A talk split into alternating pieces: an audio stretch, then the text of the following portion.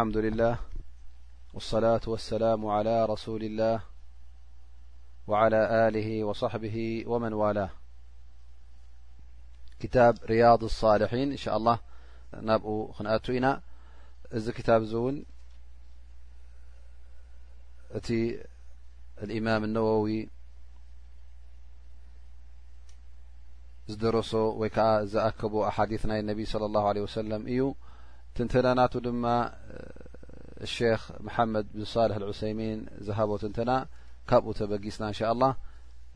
ካብ ሎም መዓልቲ ደርስና ክኸውን እዩ እዘን ሓዲ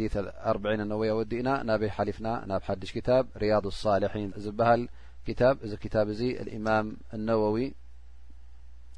ዝኣከቦ ኣሓዲት ማለት እዩ ፍልይ ፍልይ ዝበለ ልክዕ ተን ኣርብዒን እውን ተን ኣርበዓ ሓዲት እውን ዘሓለፋ እዚ ዓለም እዚ ዝኣከበን ኣብ ሓደ ክታብ እየን ነይረን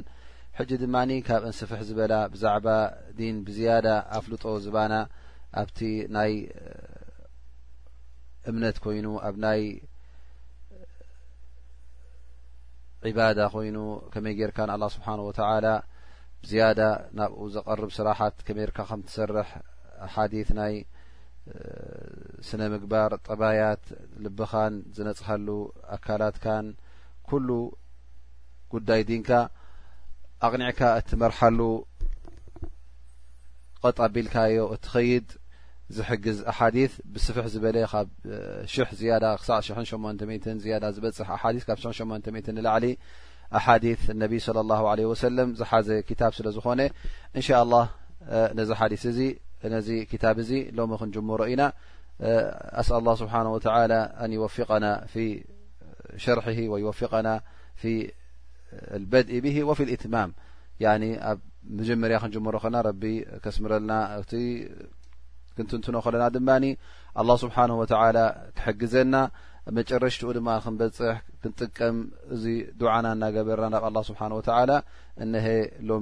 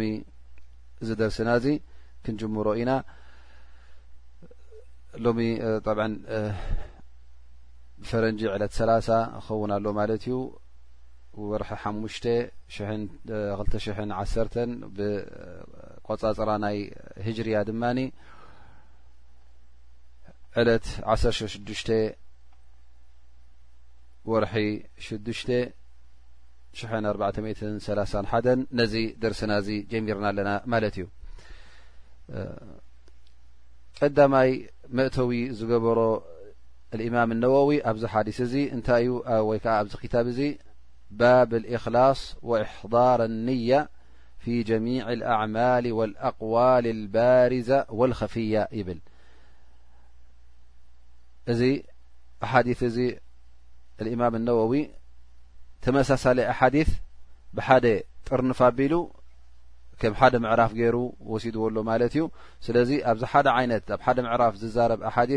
ኣኪቡ እተን ኣሓዲ ኩለን ጠቂስዎን ኣሎ ማለት እዩ ስለዚ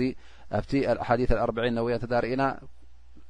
ዝኾነ ሓዲ ዝተፈለየ ኣርእስቲ ሒዙ እዩ ነይሩ ሕጂ ግን ካብ ሓደ ንላዕለ ክልተ ሰለስተ ሓዲስ ኣርባዕተ ሓሙሽተ ከምኡታት ከምኡ እውን ነዚ ኣሓዲት እዚ ብዝያዳ ዘጠንክርን ዘበርትዕን ኣያት እውን ቁርን መጀመርያ ይጠቅስ እዩ ንዕኡ ጠቂሱ ድሕሪኡ ናበይ ይኣቱ ናብቲ ኣሓዲት ይኣቱ ስለዚ እዛ ምዕራፍ እዚኣ ምዕራፍ ናይ እክላስ ዓመል ናይ ንያ ልብኻ ኣንፅህካ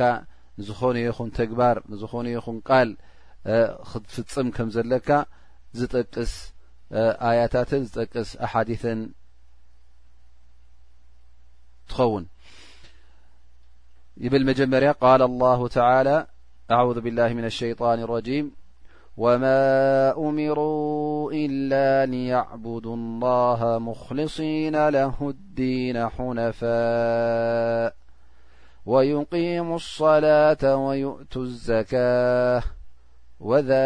لين اليمةوقال تعالى لن ينال الله لحومها ولا دماؤها ولكن يناله التقوى منكم وقال تعالى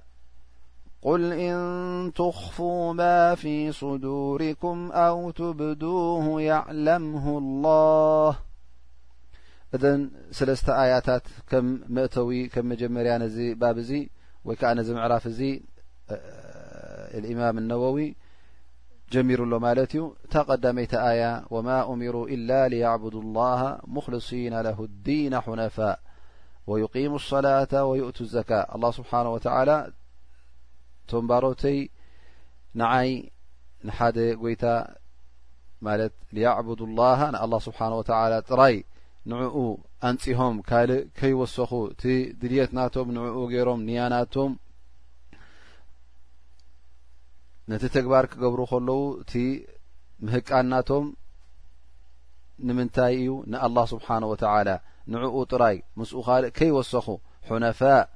ንኣላህ ስብሓን ወተዓላ እቲ ኣምልኾት ናቶም ይኹን እቲ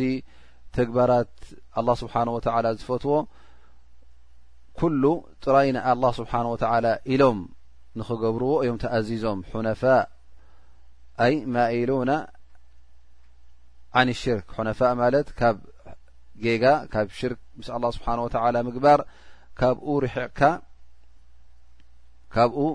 ዛዚኻ ናብ ቅኑዕ መንገዲ ክትዛዙ ማለት እዩ ካብኡ ተጠዊኻ ናብ ቅኑዕ መንገዲ ክትሓልፍ ወዩቂሙ ሰላተ ወዩእቱ ዘካ ኣብ ርእሲ ኡ ድማ ሰላቶም ብግቡእ ከቑሙ ዘካቶም እውን ነቶም ዝግብኦም ንክኸፍሉ እዚኦም ተኣዚዞም ወሊከ ዲኑ ልቀይማ እዚ እዩ ከዓ እቲ ቅኑዕ ሃይማኖት ወይ ከዓ እቲ ኣላ ስብሓን ወተዓላ ዝደልዮ ቅኑዕ ዲን እዚ እዩ ንሓደ ጎይታ ንሓደ ጎይታ ልብኻ ኣንፅህካ ጥራይ ንዕኡ ኣምልኾት ሂብካ እቲ እተኣዘዘካ ተግባራት ድማ ከም ስግደት ሰላት ዝኣመሰለን ከም ዘካት ዝኣመሰለን ክትፍፅም ከለኻ እዚ እቲ ዝድለ ካባኻ ትቐንዲ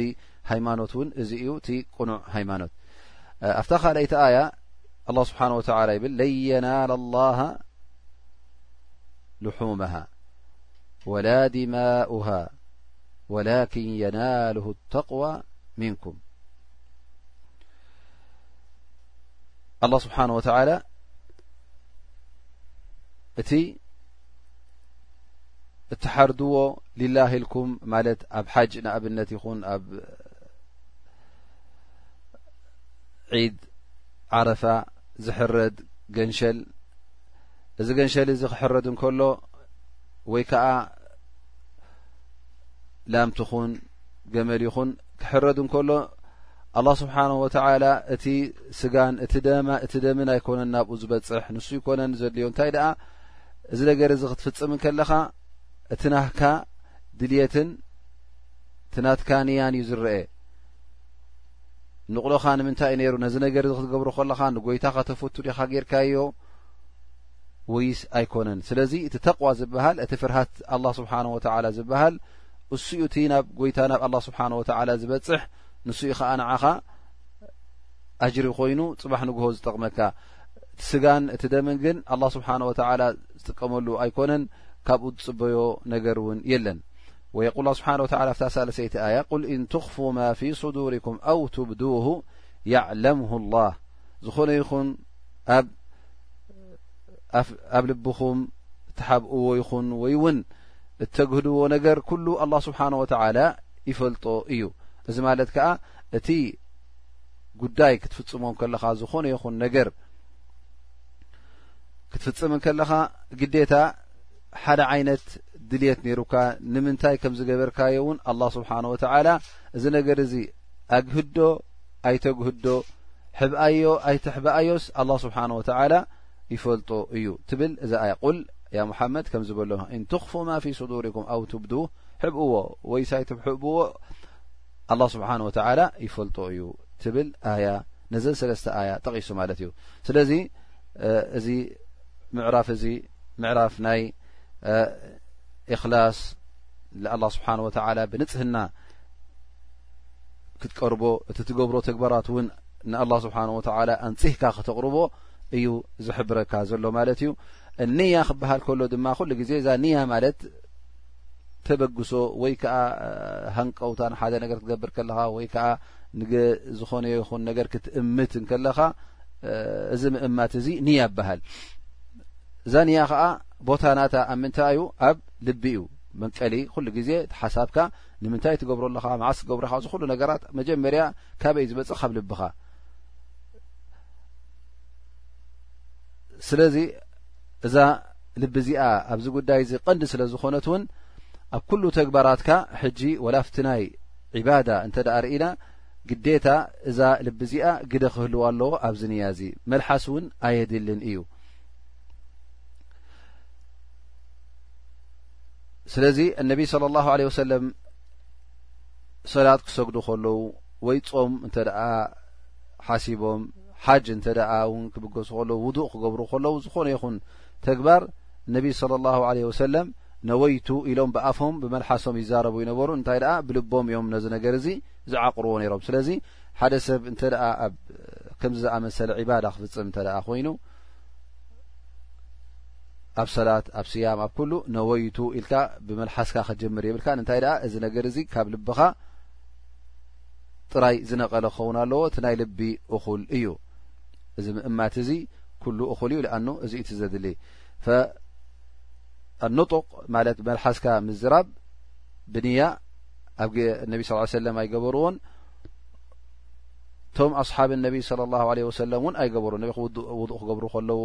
ወይ ከዓ ክሰግዱ ከለዉ ወይ ሰደቃ ከውፅኡ ከለዉ ወይ ከዓ ክፀሙ ከለዉ ሕጂ ብመልሓሶም ንያ ክገብሩ እቶም ኣስሓብ ነቢ ለ ላه ሰለም ኣይሰምዑን ናባና እውን ክሳዕ ሎሚ ተመሓላለፈ የለን ኣየመሓላለፉን እውን ስለዚ እዛ ምእማት እዚኣ እዛ ንያ እዚኣ ቦታ ኣበይ ትኸውን ማለት እዩ ኣብ ልበኻ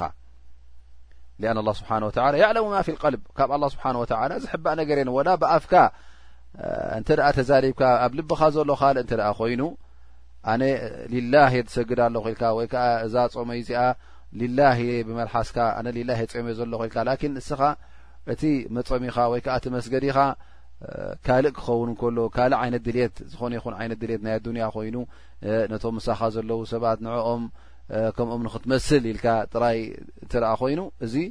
ብመልሓስካ ትብሎ ዘለኻ ነቲ ብልብኻ ዘሎ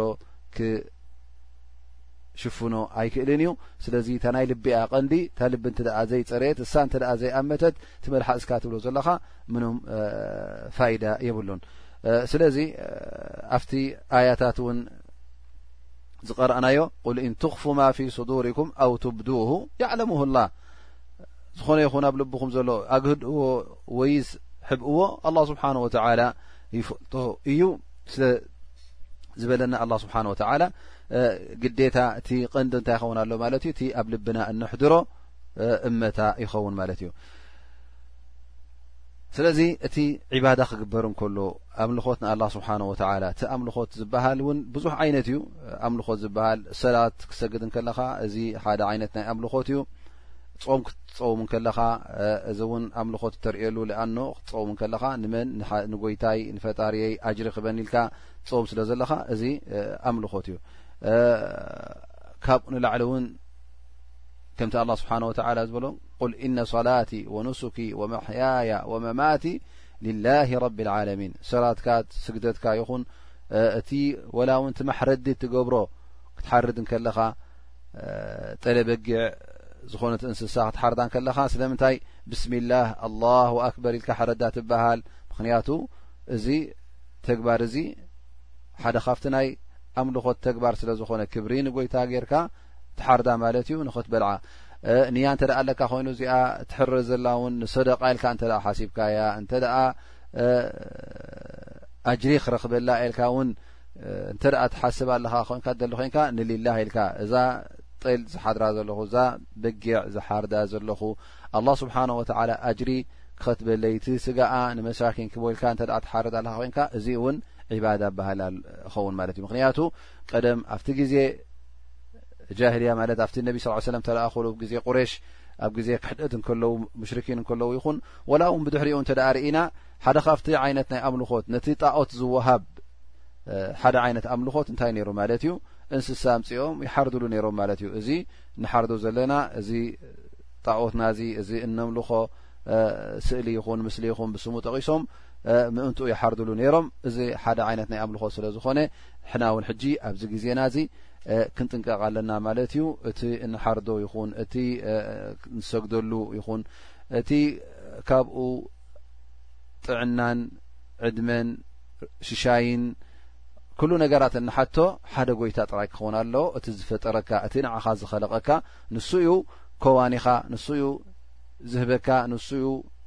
ዝሕርመካ ዝኽልክለካ ድኣ እምበር ዝኾነ ይኹን ፍጡር ካብቲ ኣላ ስብሓን ወተላ ዝሃበካ ክእግደካን ክክልክለካን ኣይክእልን እዩ ስለዚ ኩሉ ድልየትካ ናብ ጎይታ ክኸውን ይግባእ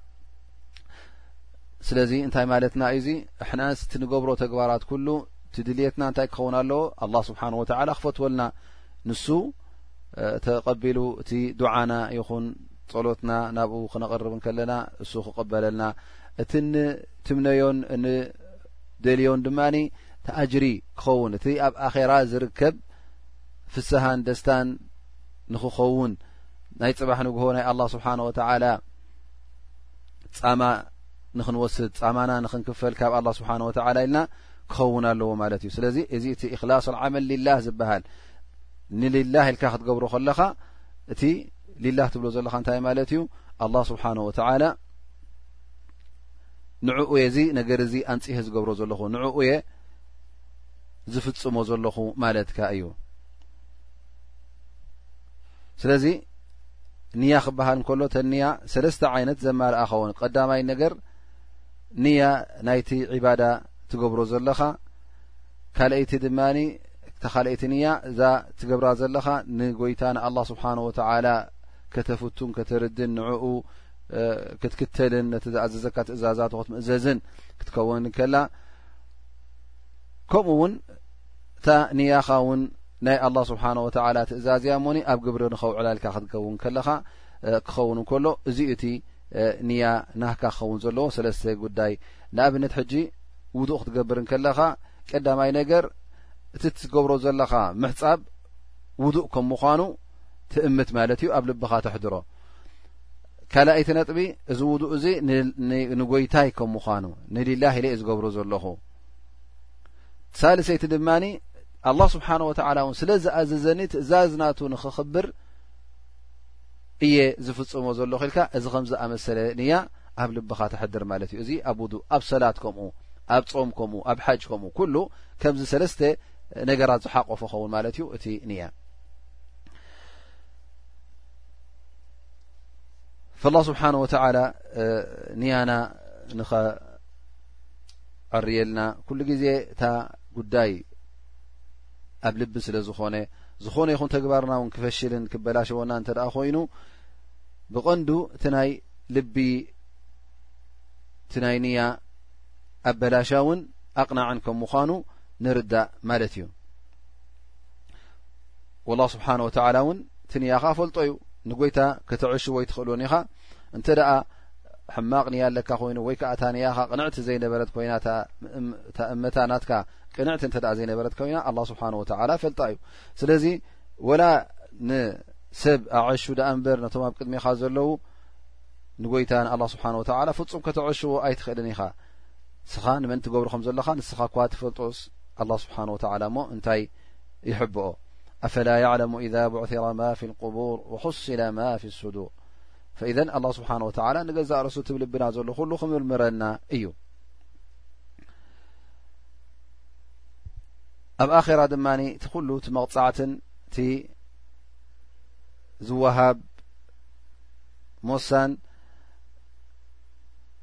ብዛዕባ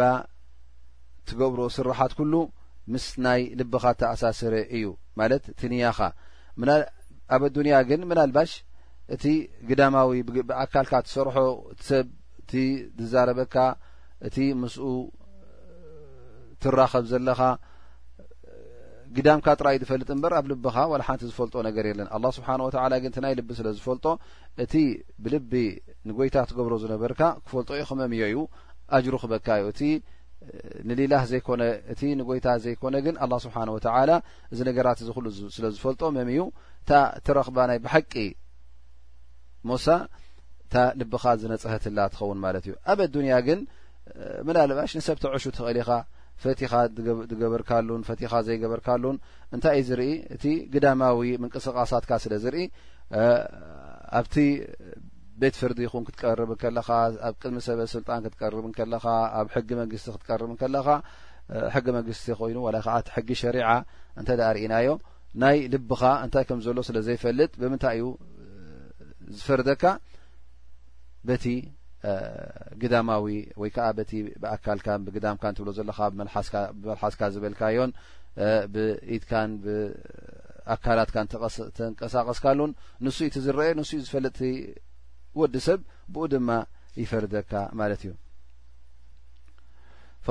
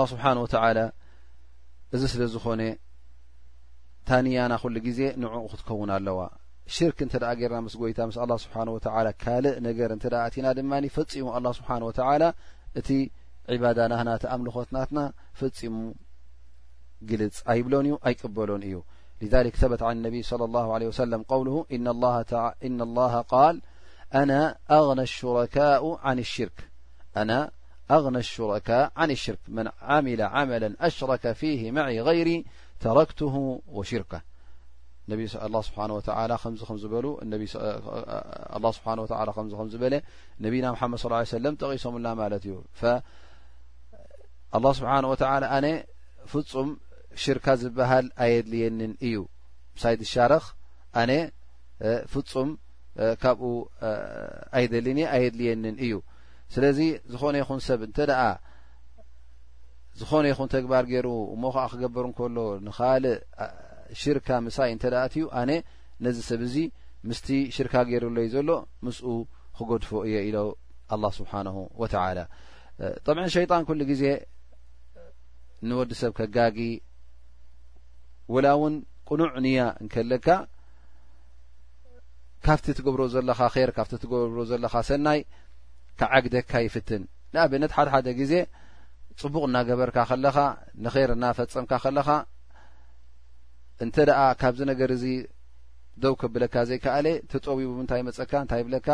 እስኻ ኮ ሕጂ ዝትገብሮ ዘለኻ ናይ ረኣዩለይ ስምዑለይ እምበረይ ሓቂ የብልካን ኢሉ ካብቲ ስራሕ ንኸታርፈካ ይፍትን ማለት እዩ ከምዚ ኸውን ከሎ እንተ ደኣ ከምዚ ዓይነት እዚ ወስወሳ መፅኡካ ነዚ ተግባር እዚ ሰናይ ተግባር ስለ ዝኾነ ክትገድፎ የብልካን እንታይ ደኣ ክትቅጽል ኣለካ ምናልባሽ ንኣኑ እሰኻ እንተ ተሓቲትካ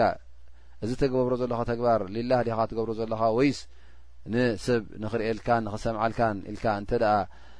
ንሊላህ እዩ ትምልስ ንሊላህ እየ ዝገብሮ ዘለኹ ኢልካ ትምልስ እንተ ደኣ ኮንካ ኢዘን እስኻ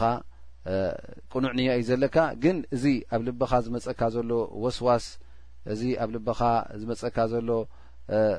ቁሩብ ናይ ሸይጣን ምንቅስቃሳት ፈፂምካ ግልፅ ክትብሎ የብልካን ምክንያቱ ሸይጣን ብዙሕ መንገድታት ይጥቀም ወላ እንተረኣኻዮ ብናይ ር ተመሲሉ ንኣብነት ሕጂ እታ ሩእያ ትበሃል ወይ ከዓ ርያእ ዝበሃል ንገዛእ ርእሱ ከም ሽርክ ስለ ዝቁፀር ካብኡ ንክንርሕቕ ኩላህና ስለ ዝግባእ ብኡ መፀካ ስኻ ትገብር ዘለካ ዝኮ ናይ ርኡያ እዩ እሞኒ ትገብሮ ዘለካ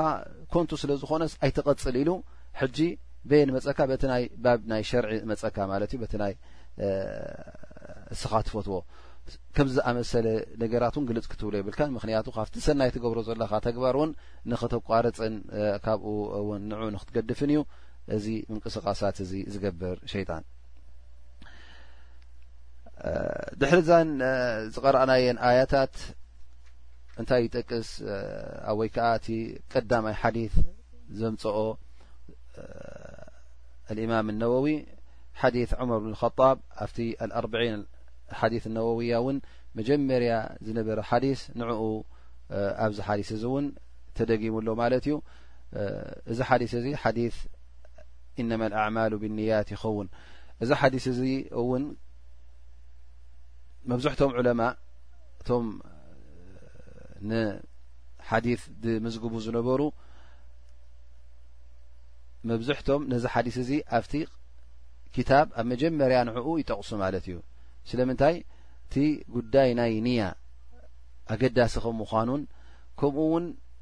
እቲ ዝገብርዎ ዘለዉ ተግባር ወይ ከዓ እዚ ዝፅሕፍዎ ዘለዉ ክታብ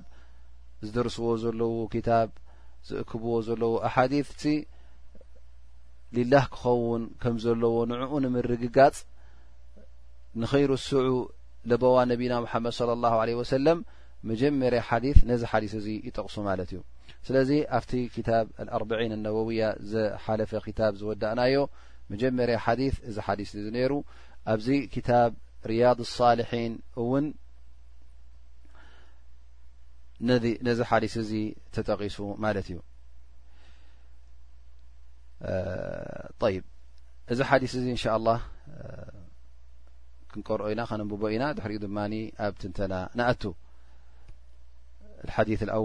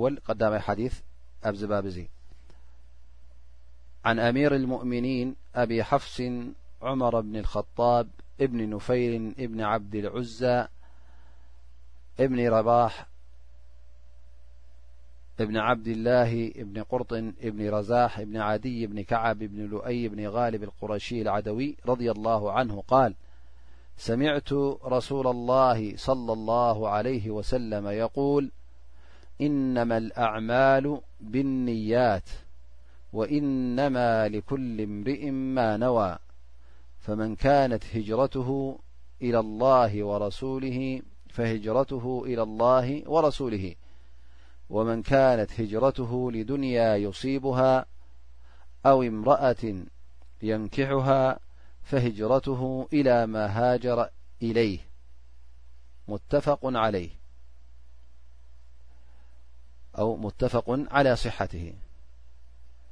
እዚ ሓዲስ እዚ ሓዲ ዑመር ብን ኸጣብ እቶም ካልኣይ ኸሊፋ ብድሕሪ ኣቡበከር ዝመፁ ካብ ነቢና ሙሓመድ صለ ላሁ ለ ወሰለም ዝሰምዑዎ ሓዲ ይኸውን እዚ ሓዲስ እዚ ሰሚዐ ይብል እነቢ ስ ሰለም ከምዚ ክብሉ ሰሚዐ እዮም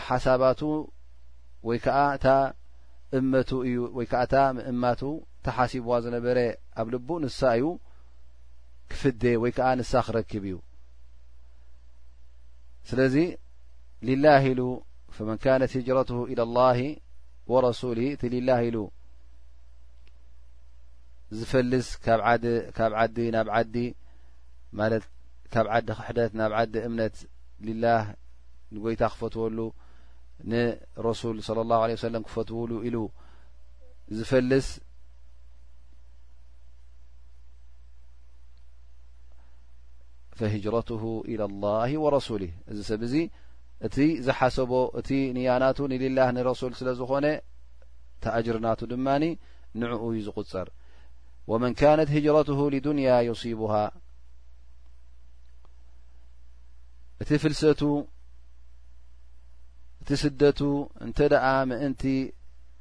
ድልት ናይ ኣዱንያ ነይርዎ ኮይኑ ወይ ከዓ ድልት ናይ ሰበይቲ ንክምርዓዋ ሓሳብ ኢሉ ንዕኡ ኢሉ ተበጊሱ እንተ ደኣ ኮይኑ እቲ ዝገበሮ ተግባር ነቲ ዝሓሰቦ እዩ ዝኾነሉ ደኣ እምበር ካልእ ኣጅሪ ዝበሃል ኣይረክብን እዩ ማለት እዩ ኢሎም ነቢ ስለ ላ ሰለም ብሕፅር ዝበለ ነዚ ሓዲት እዚ በዚ ንትንትኖ እንሻ ላ ሸርሕናቱ ወይ ከዓቲ ሰፊሕ ትንተና ሕጂ ክንኣትዎ ኢና እዘን እቲ ሓዲ ብሕፅር ዝበለ ትርጉምናቱ እዚ ይኸውን ኣብቲ ነዊሕ ትንተና እንሻ ላ ድማ ክንኣት ኢና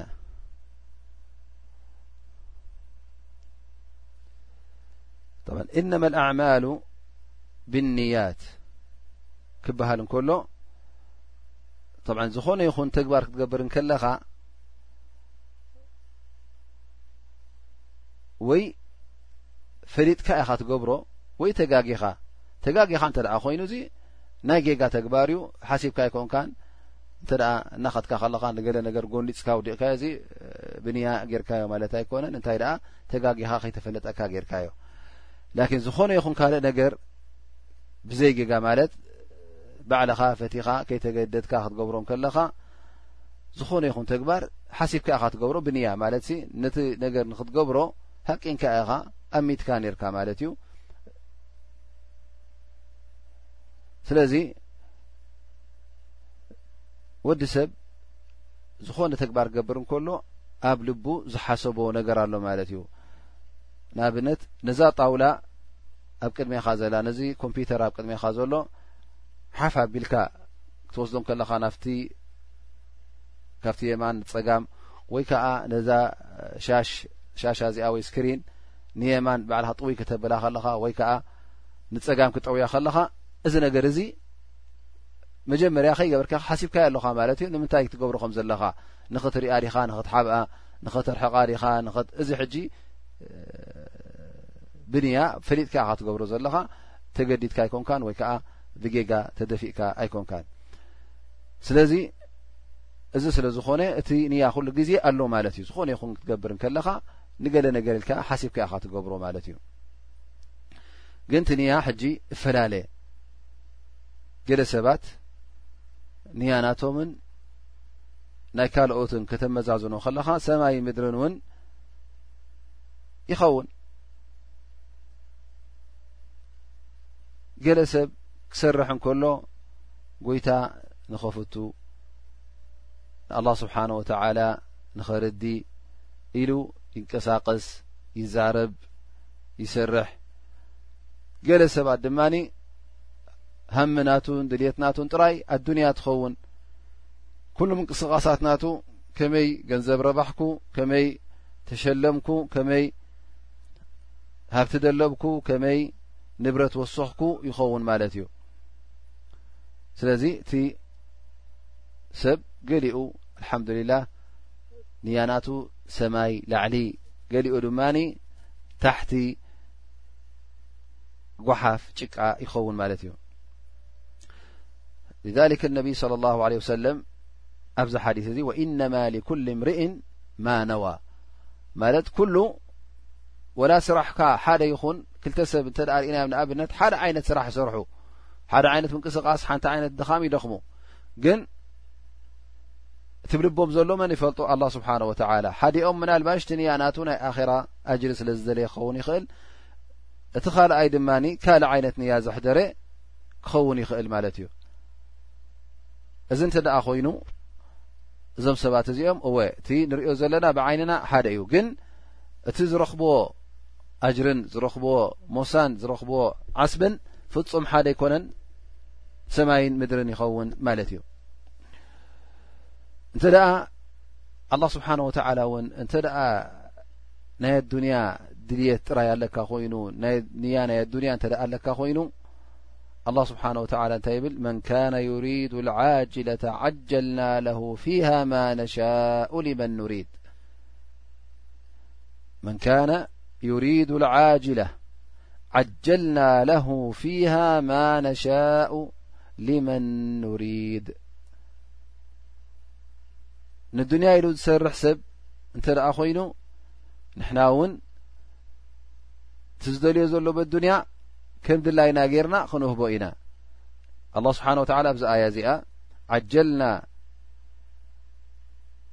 ለሁ ፊሃ ማ ነሻእ ይብል ማለት እቲ ንሕና ዝወሰናዮ እዩ ዝኸውን እወ እቲ ዝደልዮ ነበረ ኣብ ኣዱንያ ገሊኡ ክኑ ቦይና እቲ ንሕና ዝረኣናዮ እቲ ንሕና ዝደለናዮ ኣላ ስብሓን ወተላ ዓጀልና ለሁ ማ ዩሪድ ኣይበለና እቲ ዝደልዮ ኩሉ ሂብናዮ ኣብ ኣዱንያ ኣይበለን እንታይ ደኣ ብመሽኣ ናቱ ብድልት ናቱ ከም ዝውሰን ኣላ ስብሓን ወተላ ዓጀልና ለሁ ፊሃ ማ ነሻእ ይብለና ማለት እዩ ፈላ ስብሓን ወተላ እቲ ንዱንያ ዝደሊ በዓል ኣዱንያ ኣላ ስብሓን ወተላ እታ ኣዱንያ ክህቦ እዮ ክህቦ ከሎ ግን ኩሉ እቲ ዝጠለቦ ን ዝደለዮን ኣይኮነን ዝቦ እንታይ ደኣ ኣላ ስብሓን ወተላ ባዕሉ ዝወሰኖ ነገራት ንዕኡ ይህቦ ማለት እዩ ኩሉ ጠለቡ ከምቲ ዝሓተቶ ኣይወሃብን እዩ እንታይ ደኣ ከምቲ ኣላ ስብሓን ወተላ ዝወሰነሉ ይጎድል ይነኪ ይነውሕ ግዜኡ ይሓፅር ግዜኡ ኣላ ስብሓን ወተላ ይህቦ ማለት እዩ ገሊኦም እውን ኣላ ስብሓን ወተላ ዘይህቦም ኣሎ ወሚንሁም መን ላ ይዕጣ ሸይኣን ኣበዳ ፈላ ስብሓን ወተላ እቶም ስርሖም ምእንቲ ኣዱንያ ንክረኽቡ ዝደልዩ ምናልባሽ ኣብ ኣዱንያ ከለዉ እቲ ዝደልይዎ ይህቦም ገሊኦም እውን ዘይህቦም ክህልው ይኽእሉ እዮም ኣማ እቲ ልላህ ኢሉ ዝስርሕ ናይ ኣኼራ ነገር ዝደሊ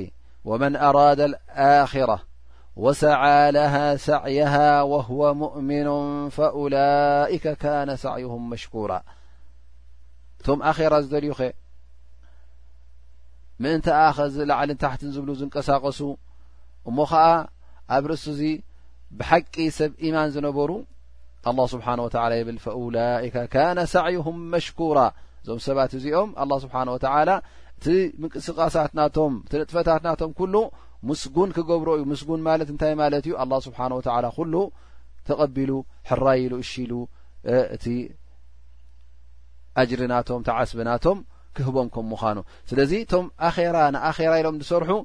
ኩሉ ክወሃቡ እዮም ኣይንከይን እዩ እቶም ናይ ኣዱንያ ግን ኣላ ስብሓን ወተላ ንገሊኦም ክቦም እዩ ንገሊኦም ግን ምናልባሽ ኣይህቦምን ይኸውን እቶም ንኣኼራ ሎም ዝሰርሑ ግን እቲ ስረሖም ኩሉ ግዜ ቅቡል ስለ ዝኾነ ኣላ ስብሓን ወተላ ንኹሎም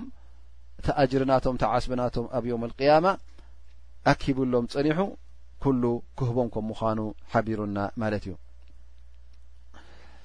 ስለዚ እዚ ጉዳይ ናይ ንያ እቲ ብ ልብኻ ዘሎ ሃሚ እቲ ሓሳብካ ንሱ እቲ ሚዛን ማለት እዩ ናይ ምንታይ ሚዛን ንዝኾነ ይኹን ስራሕ እትሰርሖ ሚዛን ንሱ እዩ እዚ ሚዛን እዚ ወይ ኣጅሪ ትረኽበሉን ክብረት ክብረት ኣብ ቅድሚ ኣላ ስብሓን ወተላ ትረኽበሉን ጀና ተኣትወሉን ይኸውን ወይ እውን ናይ ኣዱንያ ስለ ዝኾነ ምንም ኣጅሪ ዘይትረኽበሉን ወላ ሓንቲ ተቐባልነት ዘይትረኽበሉን ክኸውን ይኽእል ፈኢዘን እዚ ናይ ልባዊ ወይ ከዓ ናይ ውሽጣዊ መምዘኒ ይኸውን ማለት እዩ ምክንያቱ እታ ነቢ ስ ሰለም ዝበልዋ እነማ ኣማሉ ብንያት ወእነማ ኩሉ እምርኢን ማነዋ ታንያ እታ ምእማት ካብ ልቢ ስለ ዝኾነት እዚ መምዘኒ ኣይኸውን ማለት እዩ ናይ ግዳማዊ ተግባርካ እውን መምዘኒ ሎ ካልእ ሓዲ ነቢ ስ ሰለም ዝጠቀስዎ ን ኣሻ ረድ ላ ን መን ዓመላ ዓመላ ለይሰ ለይ ኣምሩና ፈህወ ረድ እዚ ኸዓ እቲ ግዳማዊ ተግባራትካ እንትትገብሮ ዝረኤ ተግባራት ማለት እዩ እንተ ካብቲ ትእዛዛት ነቢና ሓመድ ስ ሰለም ወይ ከዓ ካብቲ ነቢ ስ ሰለም ዘርኣዩና ስርዓትን መስርዕን ካብኡ ወፃዕ እንተ ትገብር ኮይንካ ድማ እዚ ሓዲት እዚ መምዘኒ ኮይኑ እቲ ካብዚ ወፃዓ ትገብሮ ቅቡል ስለ ዘይኮነ እዚ መምዘኒ ይኸውን ማለት እዩ እዚ ሓዲት እዚ ፈኢዘን እዘን ክልተ ሓዲስ እዚአን ክእከባ ከለዋ ክልትኤን ክራኸባ ከለዋ እቲ ዲን ንገዛእ ርእሱ ኩሉ ረኺብካዮ ማለት እዩ ምክንያቱ ናይ ውሽጣውን ግዳማውን ዘቕናዓልካ ሓዲስ ስለ ዝኾና እዘን ክልተ ሓዲስ ኢነማ ኣዕማሉ ብንያት ወኢነማ ኩል ምርኢን ማነዋ ጉዳይ ናይ ውሽጣዊ ናይ ልብኻ ደፅርየልካን ደንፅሃልካን መምርሒ እታ ካልኣይቲ ድማ መን ዓሚለ ዓመለ ለይሰ ዓለይህ ኣምሩና ፈህወ ረድ ከምኡ እውን እዛ ሓዲስ እዚኣ እውን ናይ ግዳማዊ እቲ ተግባር ብተግባር ትገብሮ ናይ ዕባዳ ናህካ ንዕኡ ቀጥ ኣቢላ መስርዑ ተትሕዘካ ስለ ዝኾነት እንተ ደኣ በዚ ክልተ ሓዲስ እዚ ቀጥ ኢልካ ነቲ ኩሉ ዕባዳ ናህካ እንተ ደኣ ብኡ ጠሚርካዮ ትዲንካ ኩሉ እንሻ ላህ ተጠሚሩልካን ቀኒዑልካን ማለት እዩ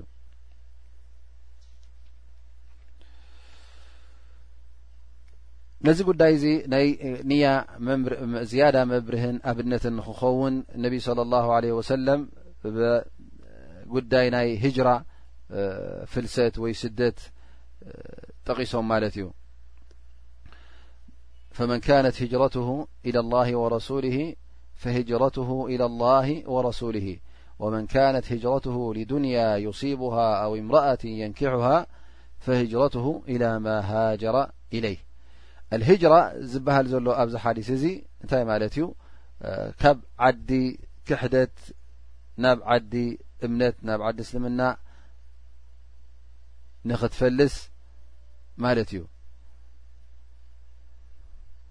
እንተ ደኣ ንኣብነት ሓደ ኣብ ክሓዲ ነይሩ ንኣብነት ንበሎ ካፍር ነይሩ ኣብ ዓዲ ክሕደት ይቕመጥ ነይሩ እሞ እዚ ሰብ እዚ እንተ ደኣ ኣብ እስልምና ኣትዩ እሞ ኣብዚ ዘለዎ ዓዲ ነቲ እስልምና ናቱ ነቲ እምነት ናቱ ከተግብር ዘይክእል እንተ ደኣ ኮይኑ ካብቲ ዘለዎ ዓዲ ክሕደት ናብ ዓዲ እምነት ናብ ዓዲ እስልምና ንክፈልስ ንክስደድ ግዴታ ይኸውን ዋጅብ ይኸውን እዚ ማለት እቲ ሂጅራ ተቐንዲ ትፍልሰት ንገዛእ ርእሱ ሰባት ድማ ናብ ካብ ዓዲ ክሕደት ኮይኑ ናብ ዓዲ እስልምና ክመሓላለፉ ከለዉ ወይ ከዓ ክፈልሱ ከለዉ ገለ ሰብ ኣት ንስራሕ ኢሉ ድመፅእ ንኣብነት ካብ ዓዲ ክሕደት ናብ ዓዲ እምነት ክመፅእ ከሎ ታንያ ናቱ እታ ደልት ናቱ እንታይ ትኸውን ስራሕ ደልዩ ርዝቂ ደልዩ ክሰርሕ ደልዩ ይመፅእ ይኸውን ገሊኡ ክመፅእ ከሎ ድማ ንቲ ዲን ናቱ ኣብቲ ዓዲ ክሕደት ከም ጉቡእ ክቁሞ ስለ ዘይከኣለ ከም ጉቡእ ከተግብሮ ስለ ዘይከኣለ ነቲ ሃይማኖቱን ዲኑን ንክሕሉ ኢሉ ካብቲ ዓዲ ክሕደት ናብቲ ዓዲ እምነት ይመፅእ ማለት እዩ እዚ ንያናቱ ትዘምፅኦ ጉዳይ ዲኑን ሊላ ኢሉ ስለ ዝኾነ ዓብ ኣጅር ኣለዎ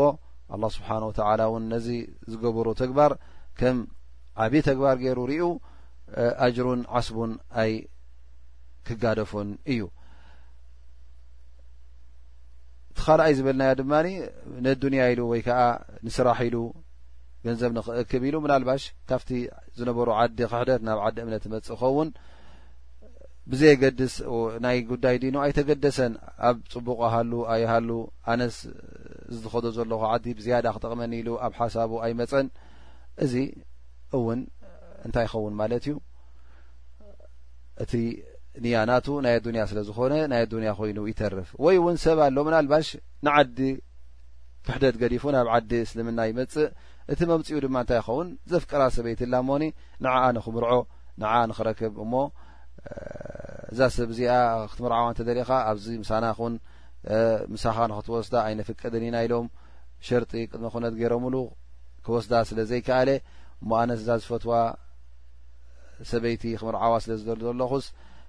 ኣብቲ ዓዳ ኮፍ ክብል እየ ወላ ዓዲ እስላም ኢሉ ኮፍ እንተ ደኣ ኢሉ እዚ ሰብ እዚ ንመን እዩ ኮፍ ኢሉ እታ ቀንዲ ኣብዚ ዓዲ እስልምና ኮፍ ደበሎ እታ መርዓቱን እታ ፈትዋ ዘሎ ሰበይትን ስለ ዝኾነት እዘን እቲ ጉዳይ ዲኑ ኣይተገደሰሉን ጉዳይ ሃይማኖቱ ኣብ ሓሳቡ ኣይነበረን እታ ቀንዲ ሓሳቡ እሳ ስለ ዝነበረት ፈነቢ صለ ላه ለ ወሰለም ብከምዚ ገይሩ ኣብሪሁልና ማለት እዩ እቲ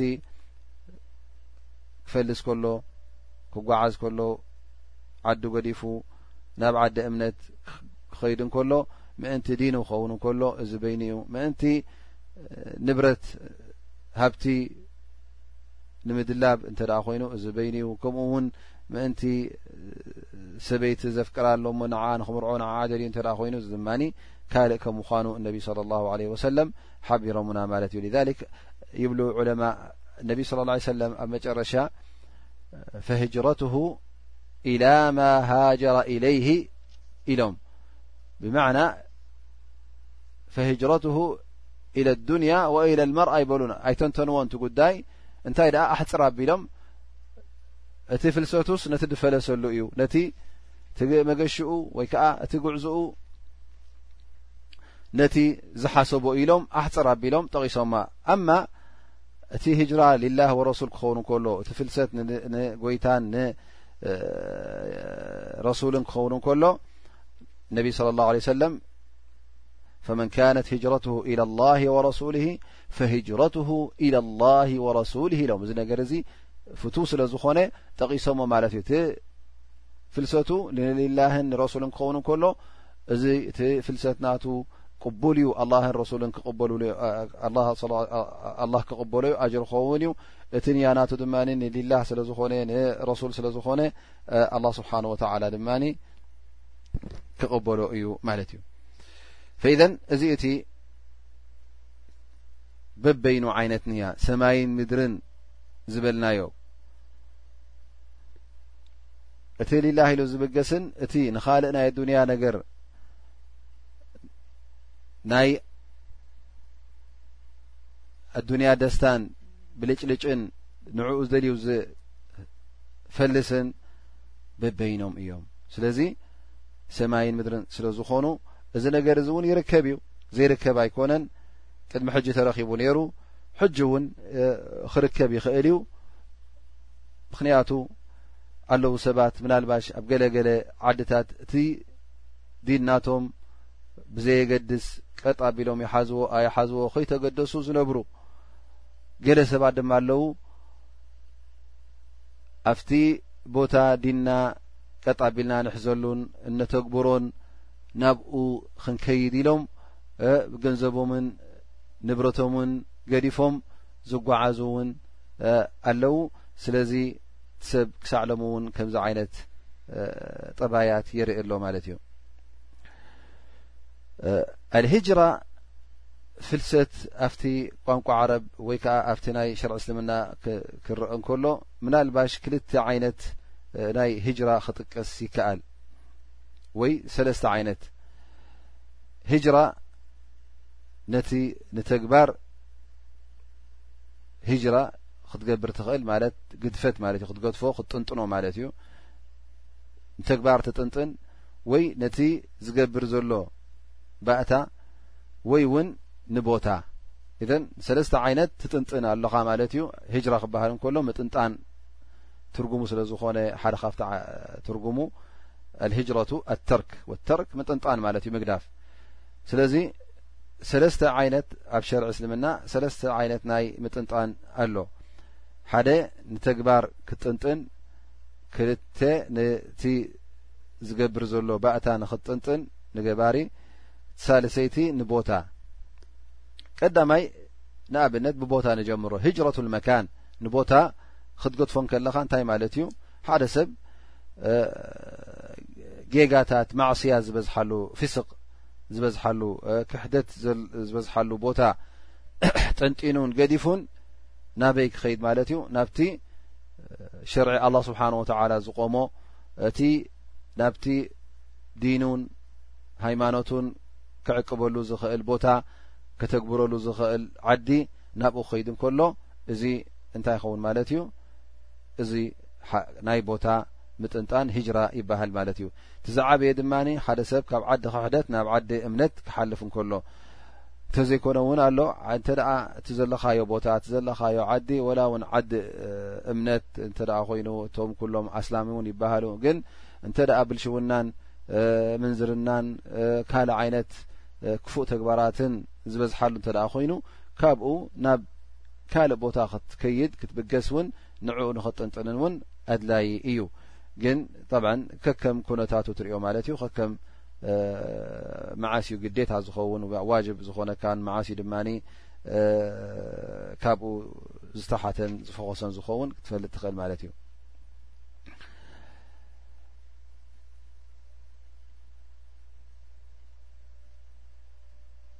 ኣብ ርእሲኡ እውን ክጥቀስ ዝከኣል እንተ ሓደ ሰብ ኣብ ዓዲ እምነት ኣሎ ኮይኑ ሕና እቲ ኣብ ዓዲ ክሕደት ዝነበረ እንተ ደኣ ዲኑ ከቕውም ዘይክእል ኮይኑ ግዴታ ካብዚ ዓዲ ክሕደት ናብ ዓዲ እምነት ክመሓላለፍ ኣለዎ ኢልና ግን ምናልባሽ ገለ ሰባት እውን እብለካ ሞ እቲ ካብ ዓዲ እስልምና ናብ ዓዲ ክሕደት ባዕሉ ዝኸይድ ከ እዚ ኸ ከመይ እዩ ዝብል ሕቶ እውን መብዝሕቱ ግዜ ይጥቀስ እዩ ግን እንሻ ላ እዛ ሓዲስ እዚ በዚ ክትንተን ስለ ዘይከኣል